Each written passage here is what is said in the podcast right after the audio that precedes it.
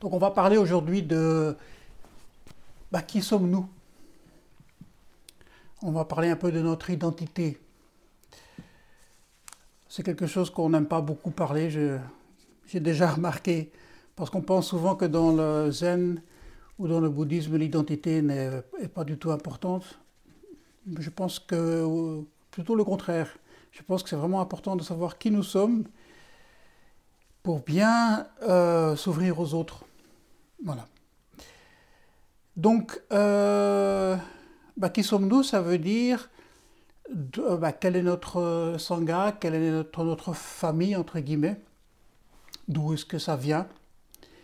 Et en particulier, quand on le met dans le document qui est le Ketsumyaku, dont voici un, exemplaire, une, version, la version abrégée.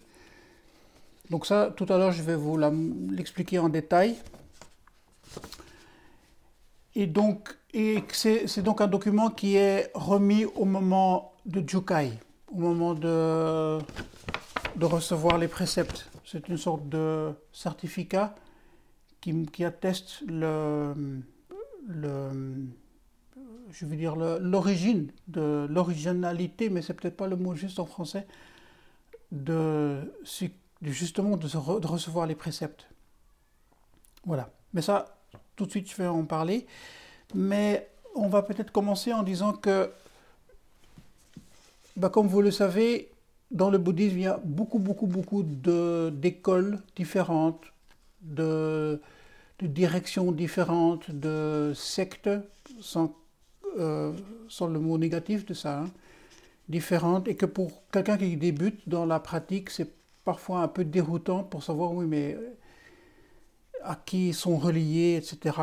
Surtout qu'en plus, euh, notre, en Europe, on a plutôt tendance, on a, cette culture de judéo-chrétienne, donc et, surtout du christianisme qui est organisé de façon hiérarchique, avec un pape, des cardinaux, des évêques, des prêtres, etc. Donc cette structure, on a toujours ça un peu en tête, alors qu'elle n'existe pas du tout, du tout dans le bouddhisme. Alors justement, euh, à qui se référer euh, Voilà, pour, pour, certains, ce sont vraiment des, des, questions qui les perturbent un peu.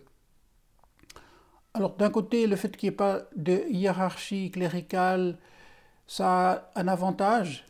Ça, l'avantage serait plutôt dans le sens que que c'est quelque chose de vivant, qui à chaque fois, avec chaque représentant euh, du Dharma et du Bouddha, est quelque chose qui est vécu, qui est, vraiment quelque chose de l'ordre de l'expérience, donc pas seulement une, espèce de connaissance intellectuelle et livresque. ça, donne ça donne cette possibilité, et il y, a, une sorte de créativité aussi, bien sûr, qui, qui est possible. L'inconvénient du fait que ce n'est pas structuré de façon centralisée, ben, c'est qu'il n'y a pas de contrôle. Euh, il n'y a aucune instance qui va dire, euh, voilà, ça ce sont les dogmes, entre guillemets, euh, qu'il faut suivre. celui-là, il peut enseigner, celui-là, il ne peut pas enseigner. Donc ça, c'est peut-être un peu l'inconvénient, qu'il n'y a aucun contrôle. Voilà. Et ça, ça peut en effet aussi dérouter beaucoup de personnes qui débutent dans le, dans le bouddhisme. Mais commençons peut-être en faisant un, petit résumé historique. Alors pour ça, je vais vous présenter une carte géographique. Je vais la mettre sur l'écran. Alors, elle est ici. Voilà. En principe, vous devriez pouvoir la voir. Donc ça montre ici le mouvement euh, commence à, voyager littéralement à partir de Bodh ici le, point central.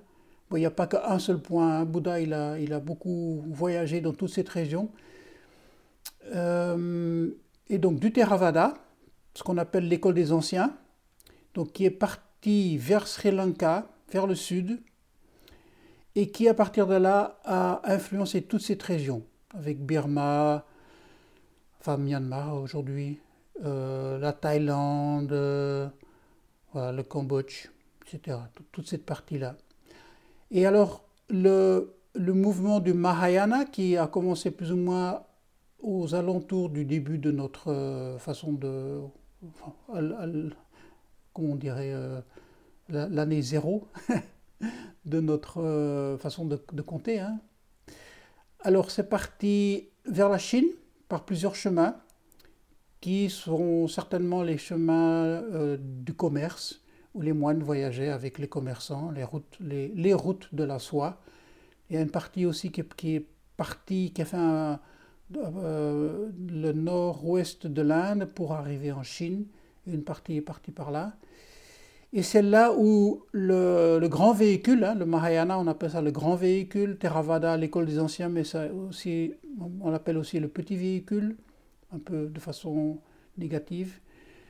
Euh, et donc à partir de cette, Chine, ça a complètement imprégné la Corée, le Japon, euh, le Vietnam par ici. D'ailleurs, j'ai encore une autre carte qui montre la, troisième école.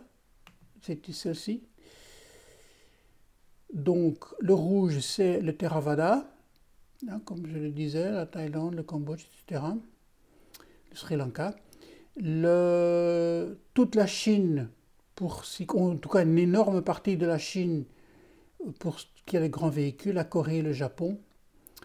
Et alors le Vajrayana, donc le, le, véhicule du diamant, qui a imprégné donc le Tibet et la Mongolie. Donc voilà, comme vous voyez, euh, déjà à ce niveau-là, c'est déjà très complexe. Et en plus, il faut savoir que parfois, euh, on, on, considère ces trois écoles comme étant vraiment très très séparées les unes les autres, alors que on sait maintenant que par exemple en Inde, il y a eu, il a existé des, monastères où les deux écoles, hein, les deux premières en tout cas, le Mahayana et Theravada, cohabitaient ensemble dans les mêmes, dans les mêmes bâtiments. Donc ça c'est quand même bien de se, remémorer ça, là où on aurait peut-être tendance ces jours-ci, enfin c'est de tous les temps bien sûr, hein, mais de, de, faire des distinctions et voilà. Donc ça, c'est pour vous montrer un petit peu. Et alors, bien sûr, à partir de ça, c'est la, façon traditionnelle de le présenter, parce que maintenant, ça a complètement imprégné. Euh, donc à partir, en tout cas, parlons de, du zen. Donc à la fin du 19e siècle, il y a eu un grand mouvement d'immigration euh, du Japon vers les États-Unis, vers l'Amérique du Sud et vers les États-Unis. Et donc des moines zen ont, dans ce mouvement, euh, suivi. Et donc on commençait à construire des, monastères et des temples et des dojos, etc. en Amérique du Sud, très nombreux, et aux États-Unis. Donc ça c'est une, euh, c'est une histoire qui est beaucoup plus ancienne que la nôtre, qui elle commence, comme je vous l'ai déjà dit, avec un moine qui est parti du Japon en 1967 à la demande de son propre maître, donc euh, le moine Taisen Deshimaru, pour venir en Europe, en France, euh, importer la, pratique du zazen. Voilà, donc en fait, c'est bien sûr beaucoup plus. Et entre-temps, il y a aussi l'Afrique qui, commence petit à petit à, s'ouvrir aussi au bouddhisme. Et voilà, il y a déjà des dojos par-ci, par-là en Afrique. Voilà, donc je vais arrêter l'écran ici.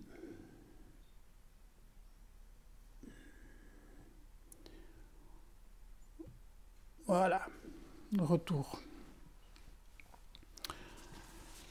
Alors, pour mettre des, euh, dates là-dessus, euh, donc c'est plus ou moins euh, au début de notre ère, donc au premier siècle, que ce Mahayana s'est donc organisé.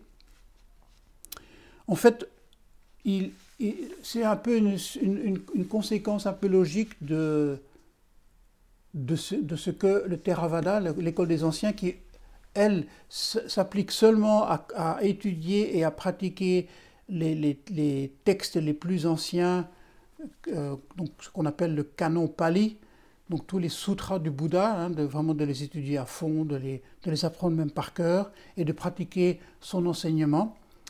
Et le Mahayana en Chine, enfin ça a commencé en Inde bien sûr, mais euh, qui a continué à développer dans le même esprit, l'esprit de l'éveil, une, une, autre dimension de la pratique et qui est l'idéal du Bodhisattva là où dans le Theravada, c'est l'idéal du Arat, du saint, qui arrive à se libérer du samsara et de quitter le cycle des, des existences. C'est devenu dans le Mahayana, l'accent est devenu mis sur le Bodhisattva, qui lui n'est pas un, Bouddha parfait, hein, il est en train de le devenir, mais qui postpone son éveil complet euh, à plus tard pour pouvoir donner euh, son énergie à l'aide de, de tout le monde. Voilà.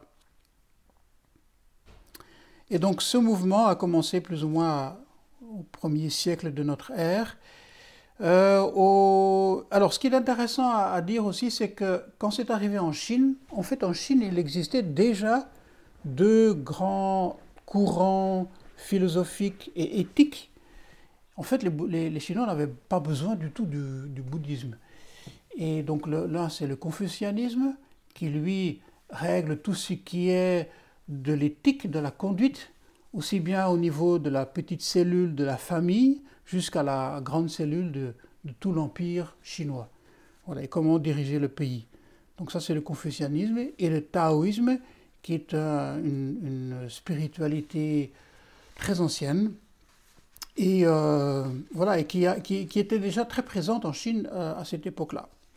Donc ce qui est intéressant à voir, c'est que les, moines bouddhistes ont emprunté euh, par-ci par-là le vocabulaire du taoïsme surtout, mais aussi les, rituels confucianistes qui existaient pour trouver une porte d'entrée en Chine. Et apparemment, ça a fonctionné. Par exemple, le, terme la voix, c'est vraiment un, concept euh, taoïste très important qui a été en fait un peu récupéré par les moines bouddhistes et de cette façon a, été accepté par la population et par les gens euh, chinois à l'époque. Alors, après, alors une figure clé, on va la retrouver d'ailleurs dans le, dans le Ketsumyaku, c'est Bodhidharma, le 6e siècle, et que l'on considère un peu comme le, le, la base du Chan, donc cette école qui met principalement l'accent sur la méditation. Hein. Bodhidharma étant quelqu'un qui était connu c'est un, personnage, on n'est même pas sûr qu'il ait existé, mais il y a eu certainement des moines qui ont fait ça. Euh, il était euh, assis euh, pendant de longues heures de la journée en méditation devant le mur. Voilà. Alors comment c'est arrivé de la Chine au Japon? Ben, Ça a commencé plus ou moins au 8e siècle déjà. Et par exemple, il y a eu aussi le, moine Esai qui euh, partit du Japon pour, parce que pour les Japonais, la Chine était vraiment le, berceau du bouddhisme. Et donc déjà au XIIe siècle, lui est allé se rendre en Chine pour aller complètement s'imprégner du bouddhisme. Et il est revenu pour faire, au Japon, pour faire l'école Linji, qui deviendra plus tard l'école Rinzai. La même chose s'est passée un siècle plus tard avec Maître Dogen, qui lui est allé également euh, en Chine. Il faut un peu s'imaginer les voyages que ça, voulait dire. Hein, il y a, je crois il y a 1000 km de mer entre les deux. Donc euh, avec les tempêtes, les pirates, etc., euh, ça devait être vraiment quelque chose de très dangereux. Et il n'y a pas des bateaux qui partaient toutes les semaines. Voilà. Donc, euh, Maître Dogen a fait ça au XIIIe siècle. Donc, il s'est imprégné également. Il a eu une confirmation par un maître, Maître Nyojo, en Chine. Et il est revenu pour instaurer le Soto. Le Soto qui existait en Chine dès le IXe siècle déjà, avec Tozan Ryokai. Tous ces noms, on va le retrouver d'ailleurs tout à l'heure dans le Ketsumiyaku. Alors, il faut terminer quand même en disant, en parlant aussi de Maître Keizan, donc Maître Dogen, il a, quand il est revenu, il a, je vais vraiment très bref là, hein, très très très vite, il a euh, tout de suite mis en route des, des, temples et des centres euh, de, plus que de retraite, mais les, vraiment les gens habitaient sur place, c'était vraiment des moines, euh, plusieurs. Il a même été très fort critiqué, etc., jusqu'au moment où il en avait un peu marre, si je peux dire, et il a vraiment quitté la capitale pour aller dans les montagnes et euh, créer ce, qui est toujours maintenant le Heiheiji. Donc ce temple euh, qui est vraiment très loin de, partout. Hein. Même aujourd'hui, s'il faut y aller, c'est compliqué. Alors il y a Maître Keizan, deux générations plus tard, qui lui a repris complètement cette tradition monastique de Maître Dogen, mais qui l'a popularisée. Et ça c'est important parce que, à savoir, parce que peut-être, peut-être, bon, ça c'est encore quelque chose dont on n'est pas sûr, c'est une hypothèse, si euh, il n'y avait eu que Maître Dogen, c'est bien possible que euh, cette pratique ne serait pas devenue aussi populaire qu'elle ne l'est aujourd'hui.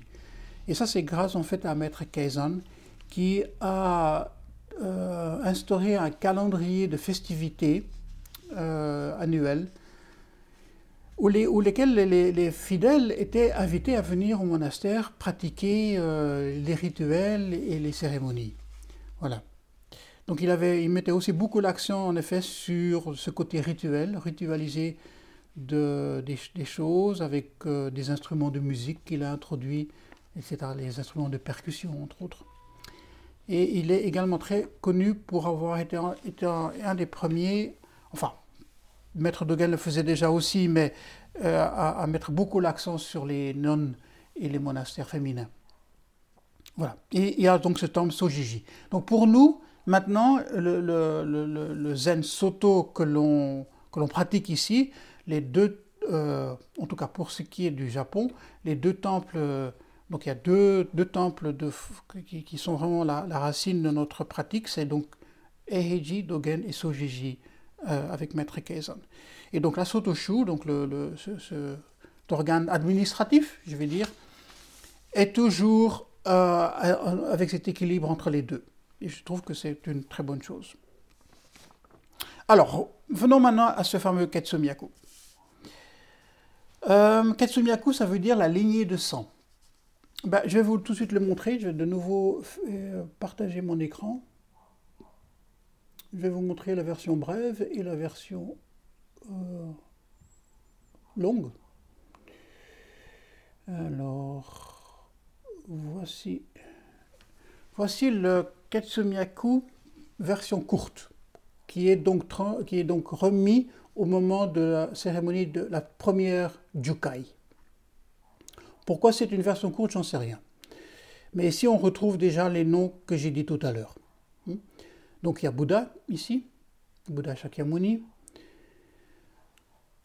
Et pourquoi c'est la ligne de sang, cette ligne rouge? Parce que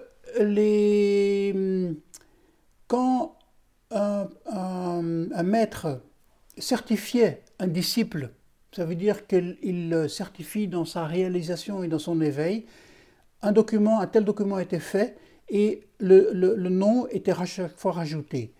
Et la ligne était rouge parce que euh, se mélangeait à l'encre qu'ils utilisaient le sang du maître et le sang du disciple.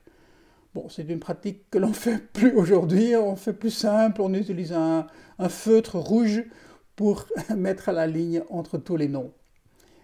Alors, euh, bah, il y a donc ici Bodhidharma, donc j'ai parlé tout à l'heure, hein, euh, Eno, qui est également un, personnage important pour notre ligne, on va le retrouver tout à l'heure dans le grand, enfin dans le Kasumyaku complet. Tozan Ryokai, c'est lui qui a. Ah oui, celui-là, je ne l'ai pas encore nommé. C'est lui qui a fondé le Soto, euh, enfin, ça s'appelait Kaodong, à l'époque en Chine, donc au 9e siècle. C'est, en fait, c'est lui. C'est, lui qui a écrit le Hokkyo Zanmai, euh, qui est complètement inspiré, bien sûr, de, du Sandokai de Maître Sekito 100, euh, 100 ans avant. Alors, ici, il y a le maître chinois que Maître Dogen a rencontré, euh, Nyojo, Tendo Nyojo. Dayosho, ça veut dire grand maître, grand instructeur. Alors, Maître Dogen ici, bien sûr. Et la ligne continue, Kaizan, donc tout de suite. Bon, il y a deux noms entre les deux, mais bon, ici il y a Kaizan. Et alors, euh, vu que c'est chaque fois bien sûr une lignée assez personnelle, je veux dire, donc ici on, en arrive euh, à euh, mon maître à moi, Roland Yonoresh, qui est ici, Tyson Yuno, ça c'est son nom. Et son maître à lui, c'est pas Maître Dishimaru, malheureusement. Ça n'a pas eu lieu, cette transmission, parce que Maître Dishimaru est décédé très vite, enfin jeune même. Et donc, euh, Roland Reich a eu la transmission de Zuigaku Rempo, qui était à l'époque, en 1982, le, euh, un des chefs du temple de Heiji. Voilà. Et donc vient ici mon nom, Senyo Kosan, que je calligraphie en caractère chinois quand je fais le, le, document pour le Jukai et je mets ici le nom de la personne qui reçoit les préceptes. Voilà. Et alors la ligne continue, bien sûr, elle ne s'arrête pas à la dernière personne. Donc c'est un cercle, comme vous voyez, hein, la ligne continue et remonte à ici ce cercle vide qui représente la vacuité, disons euh, l'univers dans toute sa complexité euh, indicible et impalpable. Voilà. Donc ça c'est la version courte. Voici le Ketsumiaku qui est remis au moment de l'ordination de, de moines et de nonnes. Et là, il y a tous les noms. Donc je vais un peu zoomer à l'intérieur. Donc, dans la, bien sûr ici il y a de nouveau Shakyamuni. Ici il y a les 28 patriarches indiens. Voilà. Donc avec Mahakashyapa, on va parler tout de suite de lui d'ailleurs. Ananda, les deux, disciples de, Bouddha. Alors, selon l'historicité, ce n'est pas du tout sûr que certains de ces noms aient vraiment existé. Voilà. Euh, certains oui, par exemple Nagarjuna, on, on sait que lui, hein, lui, voilà ici Nagarjuna, il a existé. Mais cette, histoire d'historicité n'est pas vraiment le, point fondamental du, du je vais revenir tout de suite là-dessus, mais je vous, je vous montre. Donc tout ça, ce sont... Alors il y a Bodhidharma qui doit être... Euh, où est-ce qu'il est, lui, Bodhidharma? Ah voilà, ici. Bodhidharma. Taiso Eka, ça c'est le premier patriarche euh, de la chinois. Et on arrive ici à donc la façon dont c'est mis, ça, ça va en effet de, de, de, de sangha à sangha, de maître à maître, ça peut changer. La façon dont c'est écrit, parfois ça peut être un cercle, parfois c'est... En tout cas ici, nous, on, on, met euh, Eno, maître Eno, de façon un peu euh, spéciale, parce que lui, il avait beaucoup, beaucoup de disciples, et que par exemple Nangaku, lui, a créé, enfin dans cette lignée-là, le Rinzai, qui est ici, Rinzai Gigen Dayosho. Voilà. Et donc toute cette lignée ici, ça c'est la lignée du Rinzai, parce que Maître Dogen a reçu la transmission des préceptes et du Dharma euh, des deux lignées. Donc ici, donc ça c'est la, celle du bas, c'est la, la, lignée Rinzai. Pour celle d'en haut, avec Saigen Yoshi, et puis on arrive à Tozan Ryokai, dont je parlais tout à l'heure. Voilà, ça c'est la lignée euh, Soto.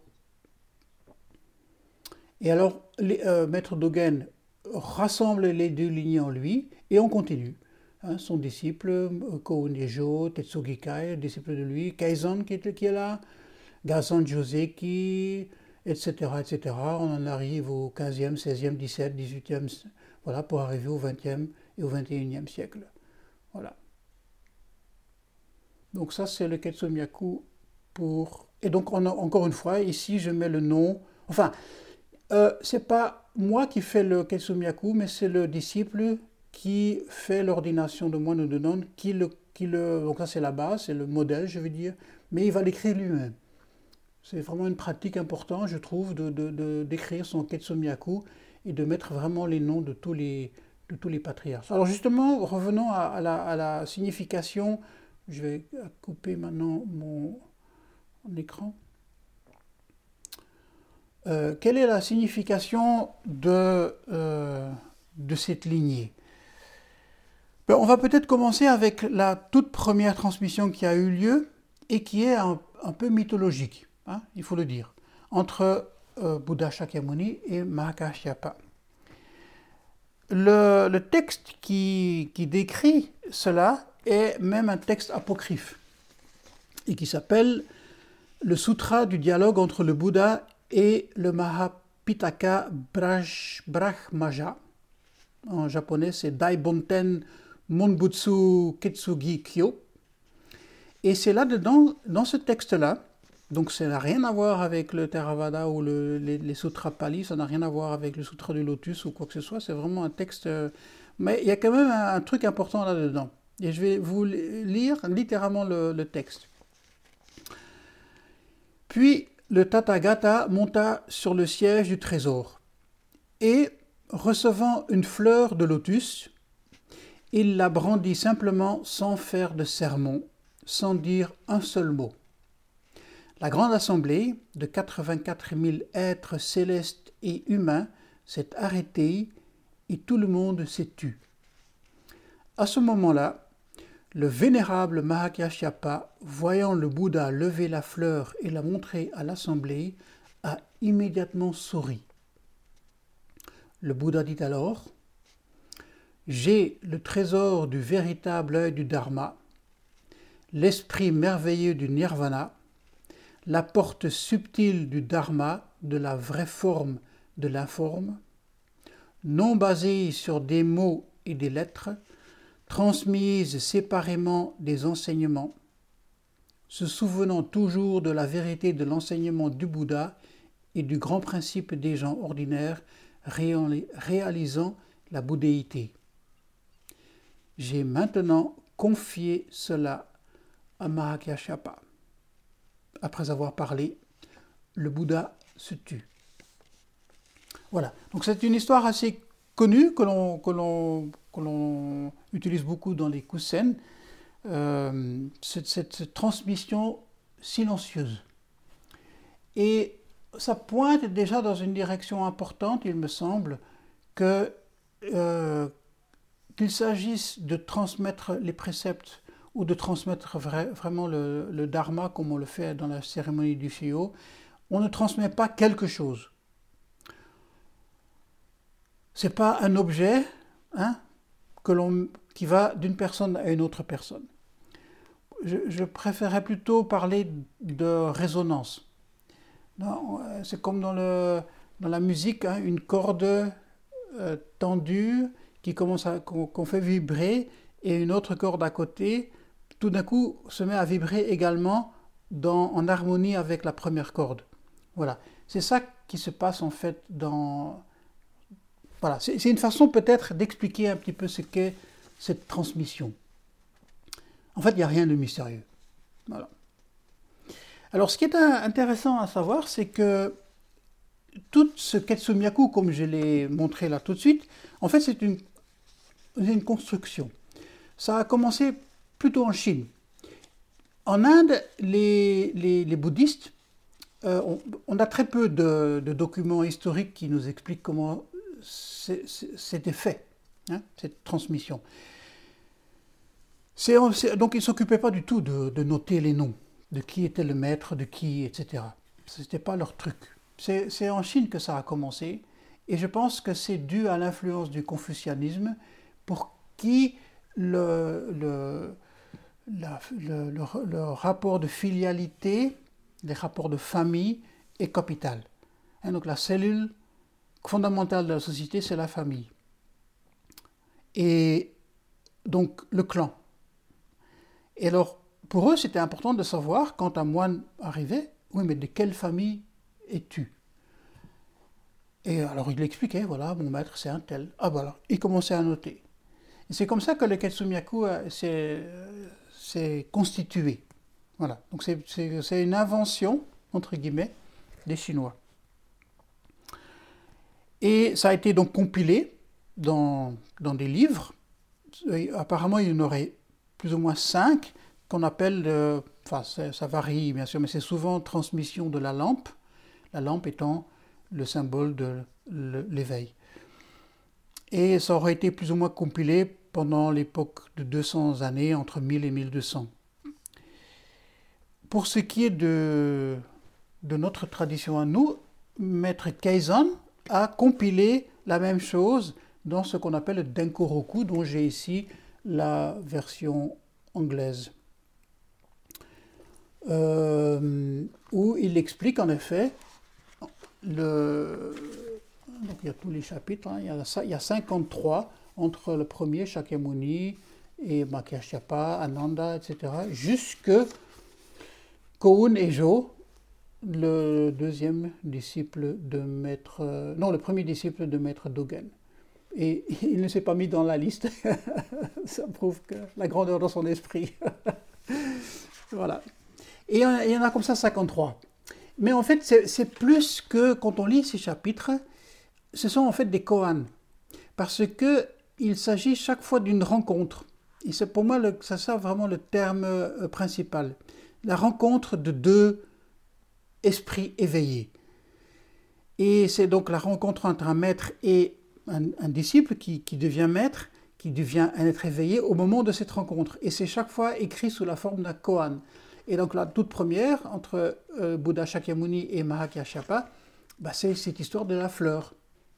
Alors, il y a le koan, il y a le, le commentaire de Maître Keizan, et il termine avec un, poème. Et ce poème est de nouveau un koan. Donc c'est en fait plutôt un, recueil d'enseignements qu'il faut euh, approfondir petit à petit qu'un un aperçu historique de comment les choses se sont, se sont réalisées. Donc c'est pas du tout ça. Alors, d'ailleurs, euh, pour ceux qui le savent, je pense que la plupart de vous qui sont là maintenant sont présents, connaissent cette liste de patriarches que nous récitons euh, pendant une cérémonie après le zazen. Comme vous le savez, il y a même six noms avant Bouddha Shakyamuni, hein, six noms de ce qu'on appelle les Bouddhas préhistoriques, dont on ne sait rien du tout, bien sûr. Donc ça prouve vraiment qu'on n'est pas du tout dans une logique de, de, de, de, bah oui, de l'histoire. Comme nous, en Occident, plutôt récent même, on, considère l'histoire. Voilà. Donc, euh, pour moi, au niveau symbolique, encore une fois, le Ketsumiyaku est une sorte de certificat. certificat, c'est un, peu difficile de dire comme ça parce que ça fait un peu, un peu administratif, un peu euh, fonctionnaire. Mais bon, appelons ça un certificat. Mais ça atteste quand même qu'il y ait eu une rencontre entre, en l'occurrence, si c'est moi et la personne qui reçoit les préceptes, ben voilà, ça atteste ce moment. Hein, il, y a, il y a une date qui est marquée dessus, que ça a eu lieu et que ça s'inscrit dans une tradition. Voilà. Et que cette tradition, c'est vraiment quelque chose qui se fait d'esprit à esprit, de cœur à cœur, plutôt que voilà, je te donne un diplôme, euh, je te confie euh, les préceptes, euh, etc. Donc c'est n'est pas du tout ça. Voilà. Alors, il y a encore un texte que j'écris ici. ortho, je, enfin, je l'écris à la main. Hein, mais je vais vous le lire parce que je le trouve très très beau et qui exprime la confiance. En fait, c'est vraiment une histoire de confiance qui se passe entre celui qui donne les préceptes et celui qui les reçoit. Et donc ce texte, c'est le suivant. Ceci est le lien essentiel pour les disciples du Bouddha que les maîtres sont successivement chargés de transmettre il est passé par Maître Dogen et est parvenu jusqu'à moi. Maintenant je vous transmets ce dharma et ses préceptes. Recevez ce dharma avec confiance et protégez le bien avec énergie et constance pour l'éternité. Aujourd'hui, le moine Kosan, donc ça c'est mon nom, confie et transmet ce lien du dharma à cet homme ou, cette femme de foi qui est sincère et respecte les préceptes. Voilà, ça c'est le texte que j'écris, euh, enfin qui, est traditionnellement écrit toujours sur ce, sur Ketsumiyaku, euh, version courte, pour le, pour, la, pour le premier Jukai. Mais ça exprime vraiment, euh, et on va terminer là-dessus, ce, ce, lien de confiance qui existe entre la personne qui transmet les préceptes et la personne qui le reçoit.